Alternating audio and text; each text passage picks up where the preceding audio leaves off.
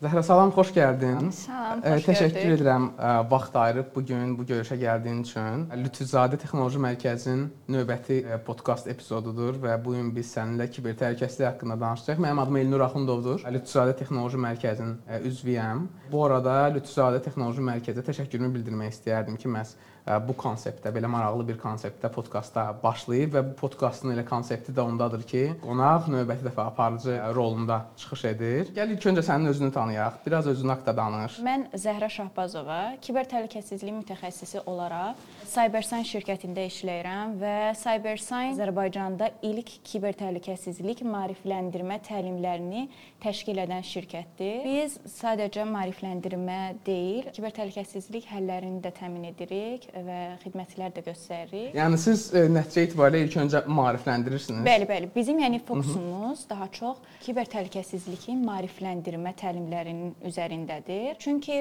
Human Firewall deyən bir mövzu var. Kiber hücumların e, qarşısını alması üçün, yəni ən böyük bir e, nüanslardan biridir və bunu şirkətlər, təşkilatlar bunu mütləq təmin etməlidirlər. Bizim ölkəmizdə demək olar ki 10 ildir bu sahəyə daha çox maraq göstərilir, amma ki daha da çox olmalıdır. Çünki hal-hazırda əsrimizin texnologiyalar əsri olduğuna görə nə qədər ki bu texnologiyaların bizim həyatımızda müsbət və yaxşı tərəfləri olsa da bir o qədər, bəlkə də deyərəm ki daha da çox mənfi cəhətləri var və bu mənfi cəhətlər də bizim həyatımızda çox böyük itkilərə və risklərə səbəb ola bilər. Biz elə İbrahimlə keçən ə, epizodda ChatGPT falan haqqında danışdıq.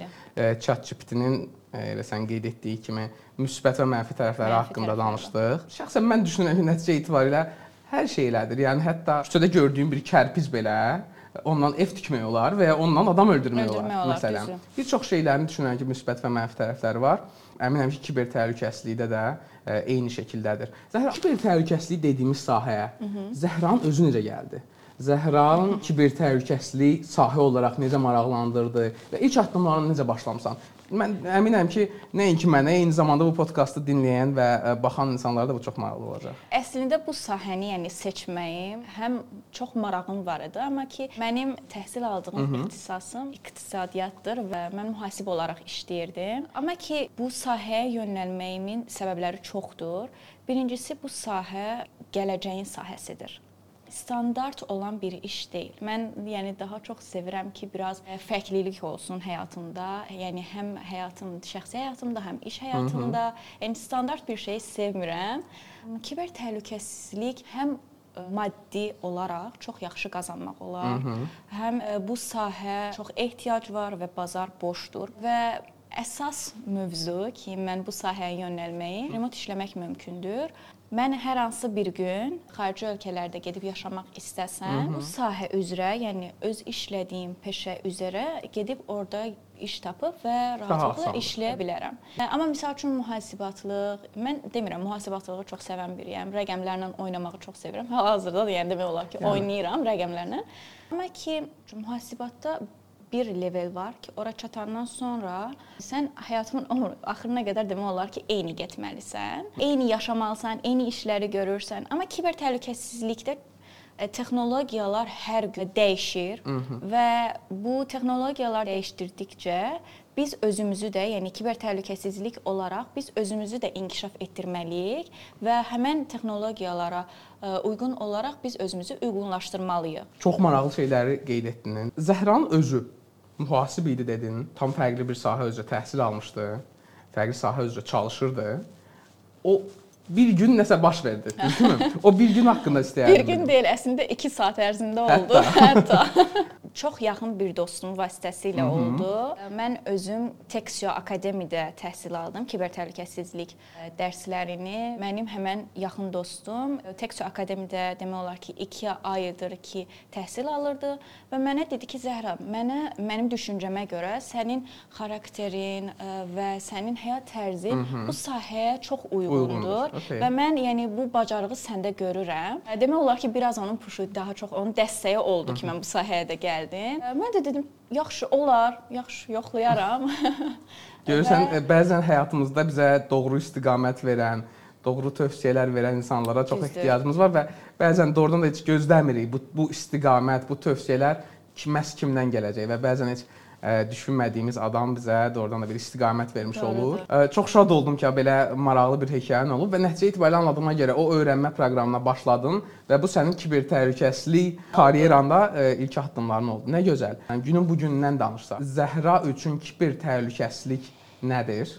Kiber təhlükəsizlik üzrə çalışmayan, bu sahə üzrə çox böyük ə, və dərin bilgilərə sahib olmayan insanlar biz nə bilməliyik kiber təhlükəsizliyi haqqında? E, Kiber təhlükəsizlik əslində demək olar ki, informasiya təhlükəsizliyinin bir qolu sayılır. Kiber təhlükəsizlik kompüter sistemlərini, şəbəkələri və bütün, yəni internetə bağlantısı olan elektron cihazların təhlükəsizliyini və qorunmasını təmin etməkdir. Amma informasiya təhlükəsizliyində əlavə olaraq da fiziki təhlükəsizlik də mövcuddur. Bu təmiz masa, printer təhlükəsizliyi və digər avadanlıqların təhlükəsizliyi misal çəkmək olar. Yəni fiziki avadanlıqlardan Fiziki bəli, bəli. okey. Kiber təhlükəsizlik bizim həyatımızda çox əhəmilidir. Çünki biz demək olar ki, həyatımızın hər şeyi ə, biz texnologiyalardan istifadə edirik və günümüzün demək olar ki, 24 saatın, 15 saatın deyə bilərik ki, biz ya sosial medialarda və yaxud elektron poçtla, yəni iş yerində elektron poçtla fərqli istifadə cihazlardan edirik, istifadə fərqli edirik, bəli. cihazlardan istifadə edirik. Yəni bizim bütün həyatımızı texnologiyalar demək olar ki, İştirak edir. İştirak Bizim həyatımızda edir, bəli. iştirak edir. Bəzən amma bunun doğrudan da fərqində olmuruq. olmuruq, amma ə,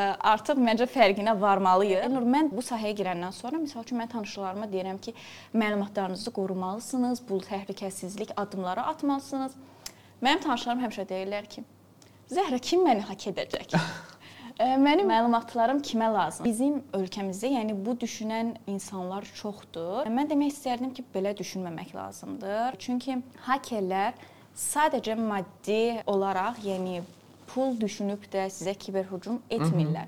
Bu insan psixologiyalarından istifadə etmək, sizin hətta şəxsi məlumatlarınızı, sizin ID-nizi istifadə edərək digər kiber hücumları həyata keçirə bilərlər və bunlar siz hətta əgər bir şirkətdə işləyirsinizsə, həmin şirkətə məlumatlarını əldə etmək üçün sizin vasitənizlə istifadə edə bilərlər bunu. Ona görə də yəni biz məlumatlarımızı bu kiber təhlükəsizlik haqqında daha da çox artırmalıyıq və təşkilatlar, şirkətlər də işçilərinin məlumatlarını çoxaltmalıdırlar. Məsəl üçün bizim ölkəmizdə bir çox təşkilatlar, böyük şirkətlər görürük ki, bir çox tullar üçün çox yüklü miqdarda pullar xərcləyirlər və sistemi qoruyurlar.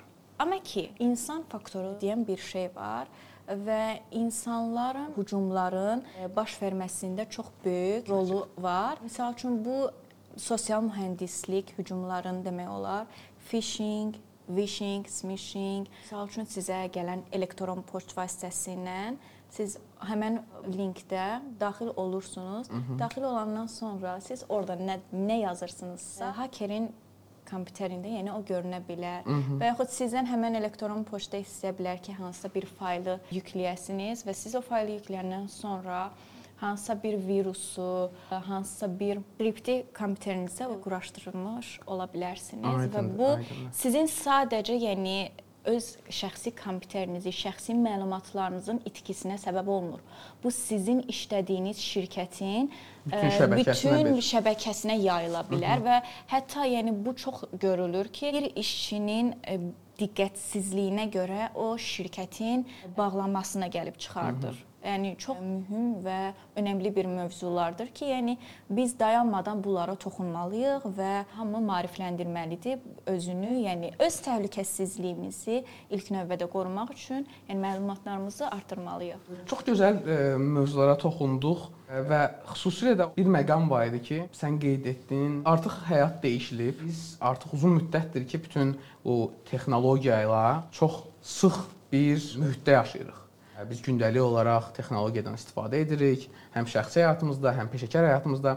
Və məncə çox haqlısan ki, e, bəzən doğrudan da unuduruq ki, bu artıq bizim bir həyat tərzimizə çevrilib və texnologiya bizim həyatımızın hə, çox böyük bir hissəsindədir artıq. Təhlükəsizlik dedikdə ilk öncə fiziki təhlükəsizlikdir. Amma artıq mən hesab edirəm ki və sənin də dediklərindən anladığım odur ki, bizim artıq tək öz fiziki təhlükəsizliyimiz deyil, eyni zamanda bizim rəqəmsal dünyada təhlükəsizliyimiz də çox vacib bir, önəmli bir məsələyə gəlib çıxır. Bu xüsusilə səhv etmirəmsə bu 44 günlük müharibə dövründə də ə, öz əksini tapmışdı və düşünürəm ki, xüsusilə də həmin dövrdə biz kiber təhlükəsizliyin nə qədər önəmli olduğunu və nə qədər nəticə etibarilə fokuslanmalı olduğumuz bir mövzu olduğunu şahid də olduq. Təhlükəsizlik üzrə peşəkar olmaq üçün bu yeni bir sahədir. Bir çox insanlar hələ kiber təhlükəsizliyin nə olduğunu indi yavaş-yavaş anlayırlar. Bəs əminəm ki, həmin o insanların içində eyni zamanda, "Hmm, maraqlı sahədir. Mən də bu sahədə özümü görmək istərdim, cəhd etmək istərdim. Bu insanlar nələr etməlidirlər? Bunun doğru yolu nədir? Ən effektiv yolu nədir? Bir çox yolu var, amma ki, yəni birincisi kiber təhlükəsizlik, yəni elə bir sahədir ki, İnsan o sahəni, yəni sadəcə maraqla olmur. Hı -hı. İnsanın xarakterindən də çox asılıdır, onun yaşam tərzindən də çox asılıdır. Çünki çox çətin bir sahədir. Düzdür, mən bütün heç bir işi ayırmıram. Hər işin, hər sahənin özünə görə bir çətinlikləri var. Amma kiber təhlükəsizlik dayanmadan özünü update etməlisən, inkişaf etdirməlisən. Bəzi kiber təhlükəsizlik vəzifələri var ki, 7-24 işləməlisən Hı. Mən əgər məzuniyyətə çıxmışamsa, dünyanın o başında olsam belə mən əlçatan olmalıyam. Çünki haker ya xəbər eləmir ki, mən gəlirəm, ya demir ki, Zəhra indi məzuniyyətdədir. Zəhra Hı. məzuniyyətdən gələndən sonra hücumumu edərəm. Xəbər etmir, səssizcə daxil olur. Hı. Ona görə də birincisi, yəni bu sahəyə girmədən öncə mənim həyat tərzim necədir? O çox əhəmilidir. Mən özümü bu sahəyə uyğunlaşdıra bilərəmmi ya yox? İkincisi də ki, bu sahəyə daha effektiv bir e, giriş addım atmaq üçün hansı yaşda bu sahəyə girmək istəyirsinizsə, o çox əhəmilidir. Məsəl üçün məsləhət görərəm ki, əgər ya az yaşdadırsa, IT təcrübəsi biraz olmalıdır. IT təcrübəsi və ya hər hansısa IT biliyi gərəklidirmi kiber təhlükəsizlik üzrə karyeraya başlamaq üçün? Əgər kiber təhlükəsizliyə siz addım atmaq istəyirsinizsə, IP nədir? Kompüterin özü necə işləyir? CPU nə, necə işləyir? MAC adresi nədir? Wi-Fi necə işləyir? Yəni bu xırda kompüter biliyi və network biliyiniz olmalıdır. Yəni fundamental biliklər fundamental olmalıdır. biliklər bəli olmalıdır. Əgər az yaşda bu sahəyə başlamaq istəyirsinizsə, helpdesk kimi başlaya bilərsiniz. Addım ataraq bu sahənin daha yuxarı vəzifələrinə gəlib çıxa bilərsiniz. Mən demirəm mümkün deyil, mümkündür. Mən özüm IT təcrübəm olmayan oxuyaraq, yəni bu sahəyə girdim. Bizim demək olar ki, qrupda da bir çox qrup yoldaşlarım da e, IT təcrübələri yox idi. IT təcrübəsi olsa yaxşı olar. IT təcrübəm varsa, mənim üçün bu sahə üzrə başlamaq daha asan ola bilər. Daha asan olar. Əlbəttə ki. Əks halda isə bir qədər bir qədər ə, çətin olar. Mümkünsüzdür demirəm, mümkündür. Məncə ümumiyyətlə mümkünsüz bir şey yoxdur. Mümkünsüz bir şey bizim yoxdur. Üçün bəli, bəli. 2023-cü ildə Zəhra, bəzi ə, kiber təhlükəsizliklə əlaqədar olan potensial risklər haqqında danışdın. Phishing və digər ə, və bunlar ə, düşünürəm ki, auditoriyamız üçün bir qədər peşəkar slang kimi səslənə bilər. Gəl bunları bir qədər açaq. Nə kimi kiber təhlükəsizlik üzrə önləyici tədbirlər görməliyik fərdlər olaraq?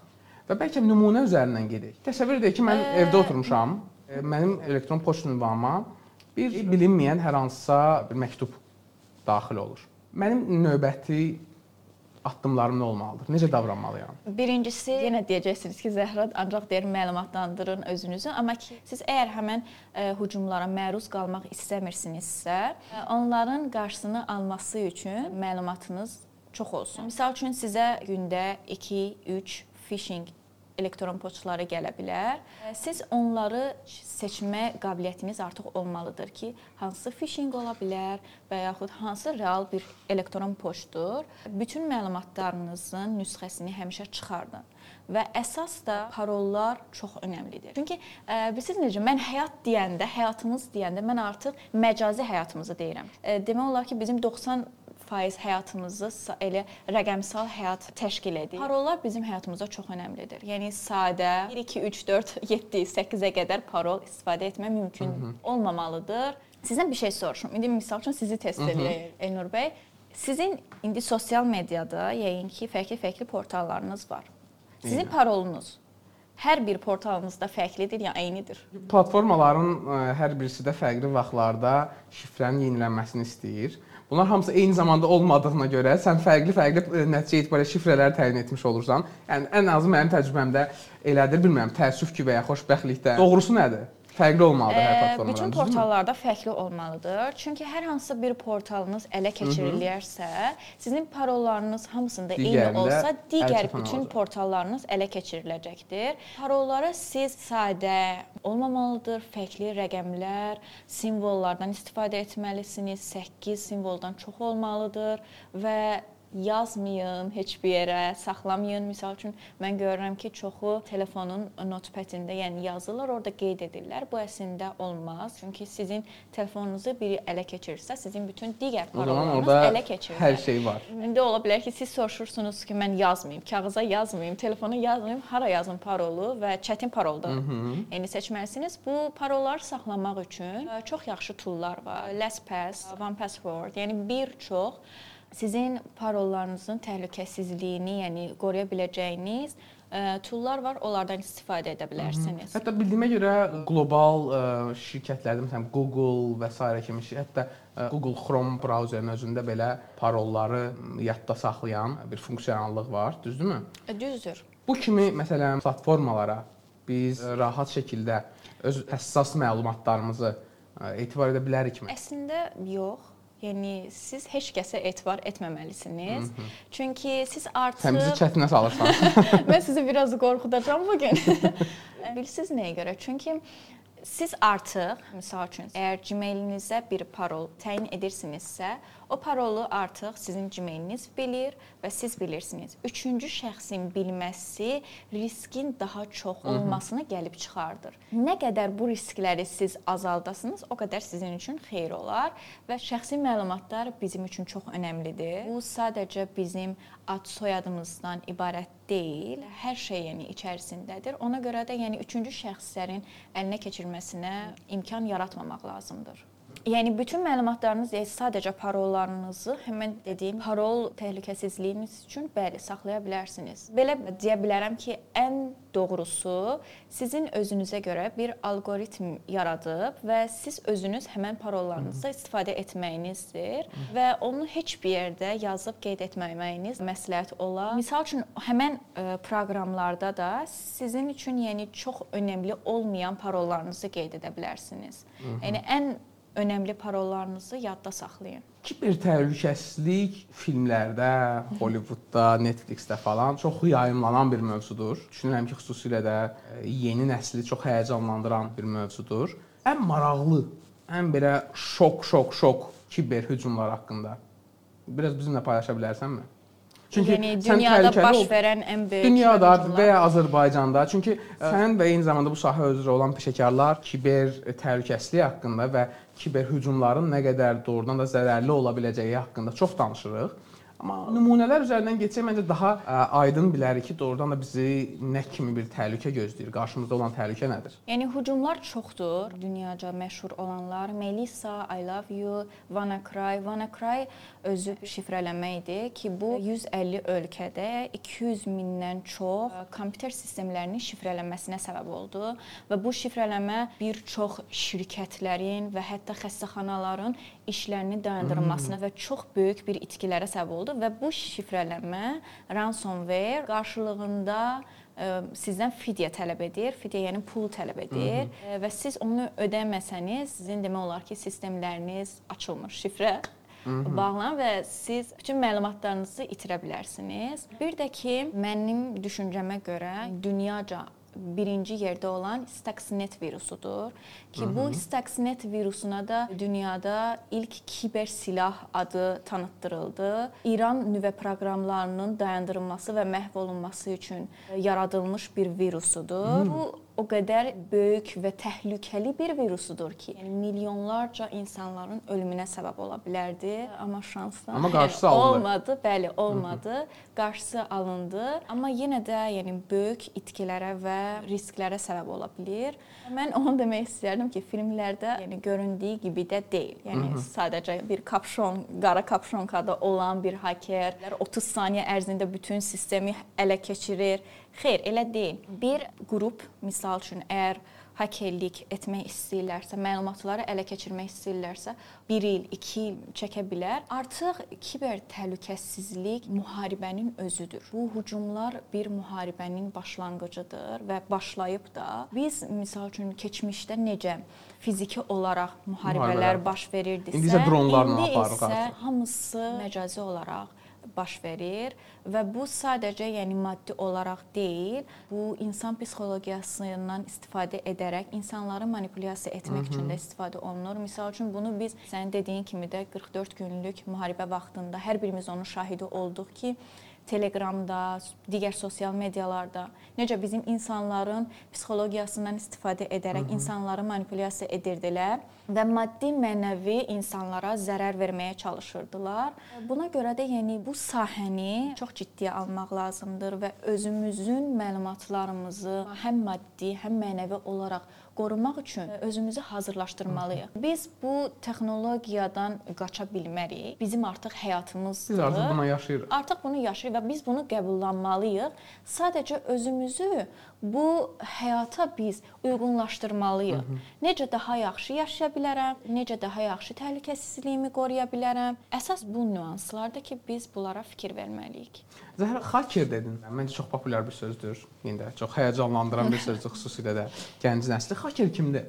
Və mən eyni zamanda bildiyimə görə bunun etik tərəfi də var, qeyri-etik tərəfi Bəli. də var. Bir qədər bu haqqda danışa bilərsən? Əslində onu demək istəyirəm ki, hakerlər pis adamlar deyillər hamısı. Hı -hı. Çünki haker deyən kimi hamı onu pis biri olan, oğru olan kimi biri düşünür. Hı -hı. Düzdür. Yəni hakerlərin bəziləri məlumatların oğurlanması və ziyan vermək üçün işləyirlər, amma bir də var ağ papaqlı hakerlər ki, bu sistemlərinizi qorumaq üçün və qara papaqlı hakerlərdən sizi qorumaq üçün Hı -hı. işləyirlər. Ha, belə bir anlayış da var. Qar, Bəli, bəli. qara papaqlı və ağ, pa- Ağ papaqlı. papaqlı. Bəli, bəli. Hı -hı. Bu yəni sizin sisteminizin hətta boşluqlarını tapmaq üçün ağ papaqlı hakerlər işləyirlər və sizin boşluqlarınızı tapıb sizə verirlər ki, siz artıq o boşluqları doldurasınız, yəni həll eləyəsiniz və qara papaqlı e, hakerlərdən özünüzü qoruyasınız. Maraqlıdır. O zaman ağ papaqlı hakerlər bizi bir Etik çox hakerlər, bəli. etik ə, hakerlər bizi bir çox təhlükədən qoruyurlar və Təhlükədən öncədən qoruyurlar. xəbərdarlıq edirlər. Bu da məhz həmin o kiber təhlükəsizlik üzrə mütəxəssislər, peşəkarlardır, Bəli, bəli. Çox gözəl Zəhra, ilk öncə sənə təşəkkür edirəm ki, bu sahə Mən üzrə ə, fəaliyyət göstərirsən.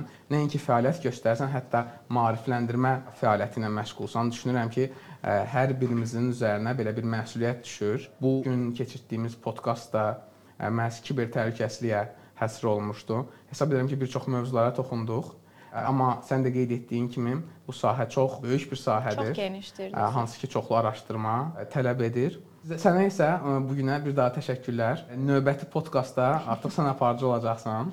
Ona görə sənə uğurlar arzu edirəm növbəti epizodda. Mən təşəkkür edirəm ilk növbədə və bu dəvətiniz üçün də minnətdaram və ümid edirəm ki, bu danışdıqlarımız bütün izləyicilər üçün faydalı və maraqlı olmuşdur. Gələn podkastda da aparıcı olacağam. Ümid edirəm ki, onu da uğurlu keçirdə biləcəm. Əminəm ki, çox uğurlu alınacaq. Təşəkkür edirəm, çox sağ olun. Sağ olun.